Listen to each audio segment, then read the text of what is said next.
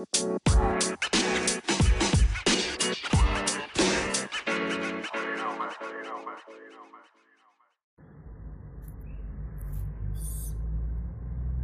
telah tiba. Libur telah tiba.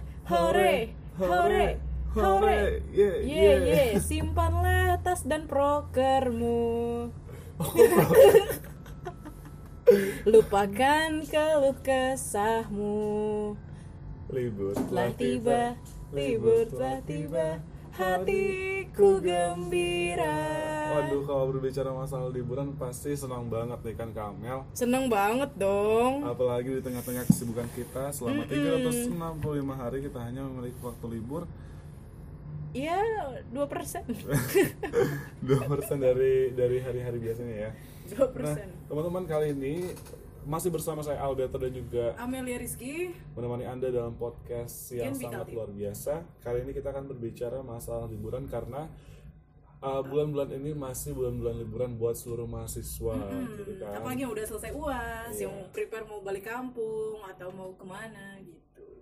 Nah, kali ini kita akan memberikan uh, berbicara sekaligus memberikan tips and trick untuk pergi berlibur. Iya. Ke mana pun kalian pergi, ini ini informasi yang sangat penting sekali.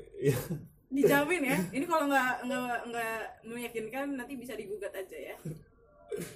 Tapi Oke, kamu udah ada rencana mau liburan ke mana nih liburan ini? Uh, sebetulnya saya kemarin pengen rencana ke Pulau Dewata. Oh. Tapi ketika sudah beli udah beli tiket Terus di aplikasi salah satu aplikasi, terus terus karena saya mengingat sesuatu hal yang tidak mungkin saya lakukan di luar kendali saya, ah, oleh karena itu saya refund tiketnya. ya.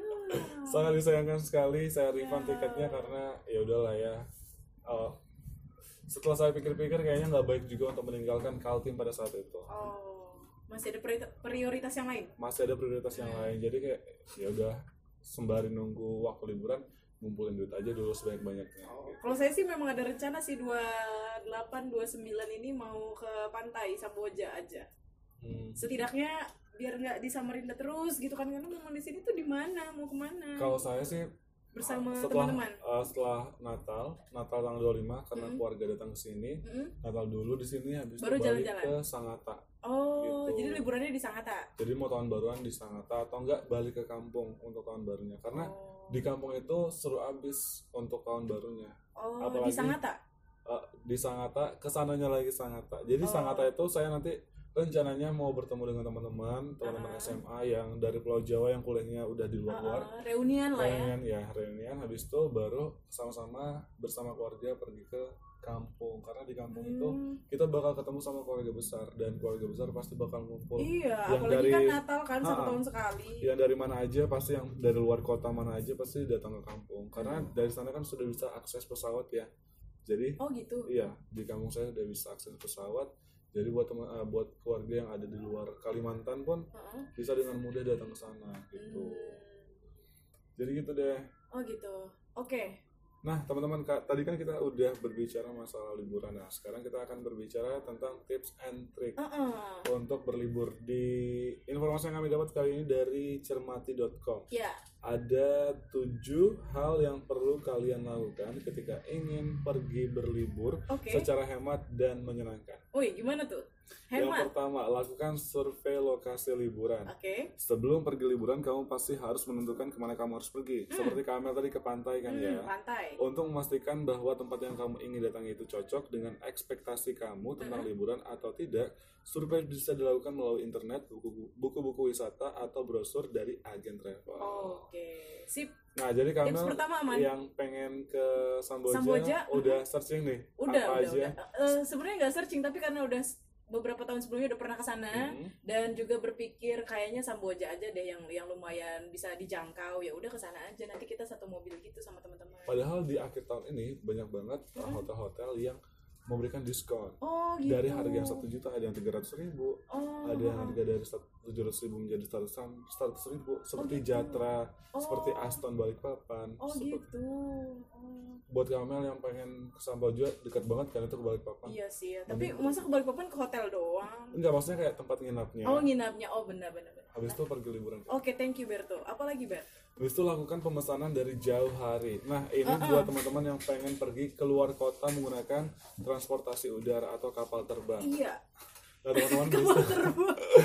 Kalau dulu kan Udah kayak kapal terbang. Kapal terbang.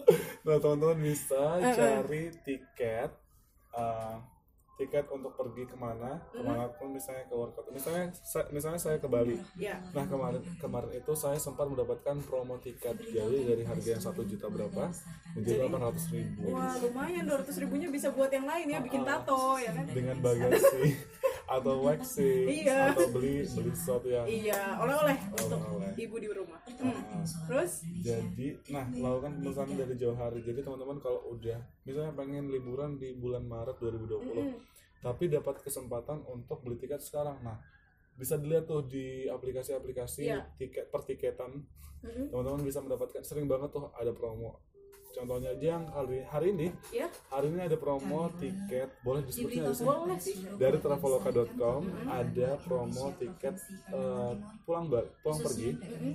Atau PP dari Balikpapan ke Jogja untuk maskapai Garuda Indonesia. Wah, lumayan dua juta lima ratus dari harga yang 3 juta lebih. Lumayan ya, sangat lumayan. lumayan banget itu udah free bagasi 20 kilo Wah, free bagasi kabin 7 kilo terus dapat makan juga dan mas ini merupakan salah satu maskapai terbaik, di terbaik. Indonesia Ya, walaupun sekarang sedang dirundung sedikit masalah ya. Ya, tapi Oke. tidak apa-apa lah ya Nggak apa-apa tidak dong. mengurangi fasilitas yang didapatkan oleh Betul para banget. penumpang Ada apa lagi? kemudian usahakan pergi bukan di musim liburan Hmm. buat teman-teman yang sibuk di waktu di hari kerja mungkin ini adalah keputusan yang salah Ini kita langgar aja. ya ini kita lanjut Karena ini waktunya liburan, jadi liburan dong. jadi harus liburan sih Iya. sebetulnya saya juga punya planning pergi liburan bukan di waktu liburan Iya, biar agak sepi biar gitu agak sepi kan. dan kita juga aksesnya lebih mudah karena kemarin sempat liburan ke Dufan Hmm. pas weekend Dan rame banget. rame banget kita masuk dari luar eh, ke dalam itu satu jam Hmm. Antri wahana satu setengah jam itu luar biasa capek sih karena Luar itu waktu biasa. liburan juga kan ya Iya. dan hari weekend itu kita langgar sih Kita langgar. Kita Jadi langgar. kamu silakan liburan itu hak hak kamu kok. Ah, Serah. kapan pun kamu memiliki kesempatan untuk liburan Liburan lah. liburan lah karena salah satu untuk merefreshing eh merefreshing diri merefresh merefreshing merefresh diri adalah dengan cara Iya, berlibur betul sekali. untuk mengembalikan mood-mood kita yang telah hilang selama bekerja Uh-uh. Kemudian utamakan kenyamanan daripada kemewahan Oh, gitu. tapi buat teman-teman yang memiliki budget lebih boleh ya. Mewah ya, mewah pakai mewah apa-apa. lupakan mewah. tentang liburan mewah jika kamu mau berhemat namun jangan sampai kamu sangat berhemat Iya. liburan menjadi tidak nyaman utamakan Iya. kenyamanan kamu baik dalam memilih transportasi tempat tinggal dan pemandu pemandu liburan Iya.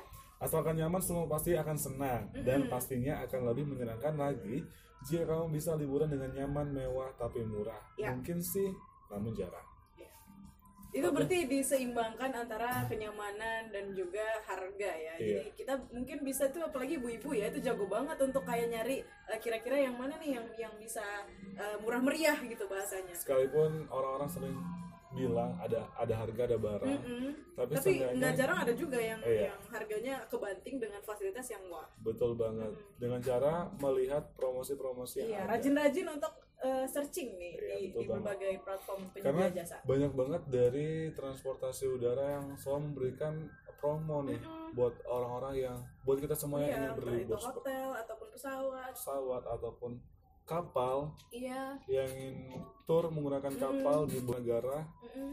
itu juga Atau juga promo nonton juga kereta banyak. api nonton dan lain sebagainya itu banyak banget Iya, Atau- betul. ataupun tempat-tempat wisata ya Kamel ya Iya betul. kemudian bawa uang tunai Hmm, nih saya bacakan itu bukannya nggak bahaya? Iya kenapa tidak pakai kris saja Iya, kok nggak pakai kris aja? boleh nggak sih dijelasin tentang kris boleh banget Boleh dong ya. tapi setelah ini saya bacakan dulu. Selalu bawa uang tunai selama kamu berlibur. Tentu bukan saja untuk dipakai berfoya-foya, tapi dengan membawa uang tunai, kamu akan lebih bisa mengatur pengeluaranmu selama liburan. Oh gitu. Dengan membawa uang tunai, kamu bisa melihat langsung berapa uang yang tersisa, sehingga dapat berpikir lebih dalam sebelum mengeluarkan uang. Mm-mm. Jika kamu takut kecurian, bawalah secu- secukupnya saja. Namun tetap bawa debit, dan kartu kredit Visa atau Mastercard. Hal ini untuk membantu kamu saat membutuhkan uang mendadak. Hmm, oke. Kayaknya memang uang tunai nggak bisa nggak dibawa juga, tetap harus bawa ya. Apalagi kalau misalnya parkiran gitu-gitu ya, atau kayak sesuatu yang harus dibayar cash. Tapi bawalah seperlunya saja. Seperlunya. Kemudian catatlah pengeluaran selama liburan. Berat sih ini, ini berat. Tugas berat, Tugas berat sih. tugas Nih, berat. saya Orang rapat dulu ya. juga jarang di notulensi. Mau lagi catatan Jangan lupa untuk catat setiap pengeluaran yang kamu lakukan waktu walaupun itu sekecil apa pun seperti bayar parkir dan lain sebagainya. Oh, Hal ini akan membantu kamu mengatur dan mengetahui ke mana saja uang kamu mengalir. Iya. Jadi tidak ada penggelapan uang seperti itu ya. Dengan mengetahui itu semua, kita bisa menekan kemungkinan kita Iya. untuk boros dan Mm-mm. berfoya-foya yang membuat liburan menjadi mahal. Iya. Nah, jadi kita bisa list apa aja sudah pengeluaran kita hari ini, ke mana aja, dan berapa banyak uang yang kita keluarkan. Oke. Yang ketujuh atau yang terakhir adalah berbelanja. Eh, Hal ini harus menjadi pokok pikiran kamu yang terakhir. Karena ini sering kali menjadi sumber pengeluaran terbesar kamu saat liburan. Iya. Saat pergi ke tempat berlibur, tentu membeli oleh-oleh dan beberapa barang sangat dianjurkan supaya kamu dapat mengenang momen-momen liburan kamu. Iya. Tetapi jangan jadikan belanja sebagai prioritas utama kamu jika kamu tidak ingin kehabisan uang di hari-hari liburan selanjutnya. Ya. Selain itu, carilah tempat berbelanja yang murah tapi bagus. Biasanya berbelanja di pasar tradisional akan lebih murah dan beragam daripada di toko Cindramata. Oke. Yuk kita liburan. Yuk, yuk, yuk. Dan eh, untuk eh, penggunaan uang tunai itu tetap tetap bisa sih digunakan, tapi kita anjurkan ya untuk sekarang bisa menggunakan teknologi bernama QRIS atau KRIS yang beberapa waktu lalu juga dipopulerkan atau diperkenalkan oleh Bank Indonesia. Jadi eh, penggunaannya itu dengan barcode ya Iya. di beberapa merchant itu sudah tersedia dan bisa efisienkan cara kamu untuk bertransaksi di beberapa merchant yang sudah menyediakan fasilitas itu. Kita akan bacakan satu artikel dari cermati.com. Mm-mm. 1 Januari 2020 bayar non tunai wajib pakai QRIS. Nah, yes, Kok QRIS? Ya. iya, QR IS, Apa itu? yes, apa tuh? Bank Indonesia mewajibkan seluruh penyedia layanan pembayaran non tunai menggunakan sistem KRIS Hmm. Quick Response kode Indonesia standar pada 1 Januari 2020 mendatang. Oke, Lalu apa itu KRIS? apa tuh? Sebagaimana dikutip dari laman resmi Bank Indonesia di bi.go.id disebutkan bahwa KRIS merupakan standar QR kode untuk pembayaran melalui aplikasi uang elektronik, server base, dompet elektronik, dan mobile banking. Hmm, Setiap penyedia penyelenggara jasa sistem pembayaran atau PJSP berbasis QR termasuk PJSP asing wajib menggunakan KRIS. Ini diatur dalam ketentuan Bank Indonesia dalam PADG nomor 21 garing 18 garing 2019 tentang implementasi standar internasional KRIS untuk pembayaran. Adanya KRIS juga diklaim sebagai salah satu pelaksana visi sistem pembayaran Indonesia atau SPI 2025 mendatang. Apa itu KRIS? Ilustrasi pembayaran pakai QR Code. BI sendiri mengusung tema semangat unggul yakni universal, gampang, untung, dan langsung. Itulah kepanjangan dari KRIS. Jadi universal, gampang, untung, dan langsung. Eh, temanya, temanya maksudnya. iya. Kalau QRIS kan tadi yang tadi quick Iya, quick, respon, response Indonesia standar. standar. Iya. Harapannya dengan adanya KRIS, transaksi pembayaran bisa lebih efisien atau murah, Mm-mm. inklusi keuangan di Indonesia lebih cepat, Mm-mm. UMKM bisa lebih maju, Hmm, dan yang akhirnya bisa mendorong pertumbuhan ekonomi. Ya. Kata BI, makna KRIS itu adalah universal, yakni KRIS bersifat inklusif digunakan untuk seluruh lapisan masyarakat dan bisa digunakan buat transaksi pembayaran di domestik dan luar negeri. Oke. Oke, jadi KRIS ini bisa digunakan di dalam negeri maupun di luar negeri. Oke. Kemudian gampang, Mm-mm. yakni masyarakat bisa bertransaksi dengan mudah dan aman dalam satu genggaman ponsel. Jadi teman-teman tidak perlu lagi menggunakan aplikasi-aplikasi lainnya, hanya Iya. dengan menggunakan Kris saja teman-teman bisa langsung sekali tap doang. Iya gitu. betul. Dan juga bisa eh, mengefisienkan karena kamu nggak perlu lagi kalau misalnya ada eh, 200 atau 500 perak gitu tuh udah bisa langsung include di biaya krisnya itu. Betul Jadi kamu sekali. udah langsung bisa pembayaran dengan pas gitu. Nggak ada kembalian-kembalian. Nggak ada kembali-kembalian yang ikhlasin aja. Eh, eh, atau mau diganti permen? Kan jangan. Yang kemudian adalah untung, yakni transaksi dengan kris menguntungkan pembeli dan penjual. Karena transaksi berlangsung efisien melalui satu kode QR yang bisa digunakan untuk semua aplikasi pembayaran pada ponsel. betul sekali. Kemudian langsung, yakni transaksi dengan kris langsung terjadi karena prosesnya cepat dan seketika sehingga mendukung kelancaran sistem pembayaran.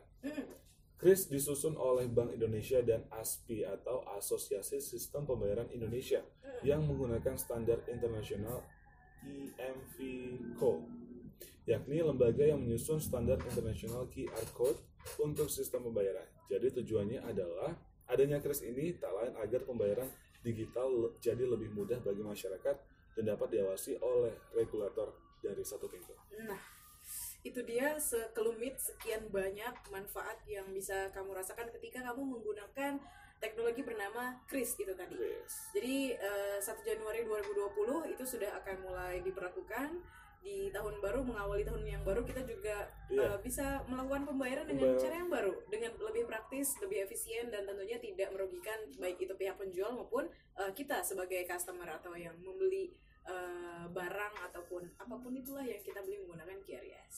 Namun Mm-mm. uh, sayangnya ada beberapa hal yang perlu teman-teman ketahui Iya. bahwa penggunaan kris ini penggunaan kris ini hanya dibatasi maksimal 2 juta rupiah. Oke. Nah, dalam aturan pelaksanaan kris batas nominal transaksi kris maksimal 2 juta rupiah per transaksi. Mm. Akan tetapi penerbit atau PJSP bisa menetapkan batas nominal ku- kumulatif harian dan atau bulanan atas transaksi kris yang dilakukan oleh masing-masing pengguna kris. Mm. Penetapan batas nominal kumulatif itu dengan syarat penerbit punya pertimbangan manajemen resiko dia- yang baik. Gitu. Oke. Jadi maksimal 2 juta rupiah ya transaksinya. Tapi itu tetap tidak mengurangi eh, apa ya? efisiensi dan juga kemudahan ketika menggunakan kris. Nah, selain itu yang paling menyenangkan adalah selain orang Indonesia yang bisa menggunakan kris, bahwa orang atau turis-turis dari luar negeri pun bisa menggunakan kris. Oh gitu. Gitu. BI juga mengungkapkan bahwa kris nantinya bisa digunakan oleh wisata- wisatawan mancanegara atau wisman pengguna aplikasi QR code yang menggun- menggunakan standar EMV.co Mm-mm. untuk bertransaksi di Indonesia. Oke. Jadi wisata semakin mudah, mau belanja juga makin enak. Jadi nggak ada alasan kalau kamu nggak menggunakan kris per 1 Januari 2020 mendatang. Betul banget. Jadi turis asing yang sedang berlibur ke Indonesia bisa dengan mudah bertransaksi di sini karena kris disusun dengan standar internasional. Diharapkan kris ini juga bisa mendukung sektor pariwisata di tanah air, Oke. khususnya di Kalimantan Timur. khususnya Kalimantan Timur yang punya objek wisata banyak banget dan eh, tentu kamu rugi dong kalau nggak beli oleh-oleh dari Kaltim ya kan dan bisa menggunakan teknologi kris ini di beberapa merchant yang mungkin sudah mulai menggunakan per 1 Januari 2020 Oke, mungkin itu sekian uh, Eh, iya podcast kita tentang liburan holiday. dan tips and trik dari kita berdua. Uh-uh. Semoga ke depannya kita bisa bersama-sama lagi liburan, Uh-uh. menghabiskan waktu. Oh iya liburan. dan kita juga mau pesan jangan lupa untuk menjaga keselamatan barang bawaan eh, ketika nanti bepergian apalagi menggunakan pesawat ya kan kabin dan seterusnya itu harap berhati-hati jangan sampai ada yang ketinggalan jangan sampai ada eh, barang-barang yang tercerai berai dari kamu jadi perhatikan barang yang benar-benar perlu untuk dibawa Betul ya banget. kan baju secukupnya uang juga secukupnya dan perhatikan keselamatan juga keselamatan diri dan orang lain yang kita ajak bepergian terus juga kesehatan dan tentunya jangan lupa untuk tetap eh, belanja tapi juga memperhatikan pengeluaran yang dilakukan gitu. Jangan sampai malah nggak kekontrol gitu malah habis bermiliar-miliar kan sayang ya satu Sayang kali liburan ya kan? Sedangkan kita juga masih bisa berlibur ke depannya Uh, uh, gitu. dan masih ada hari esok untuk hidup gitu. Kalau uangnya habis buat liburan besoknya gimana? Karena kita kan nggak nggak nggak pernah tahu kan ya apa saja kebutuhan mendadak. Mm-mm. Yang kita butuhkan ke depan. Oke, itu aja untuk uh, podcast edisi membahas seputar holiday. Terima kasih atas kebersamaan kamu. Selamat berlibur, selamat uh, merefresh kembali badan, pikiran, jaga hati, jaga pikiran.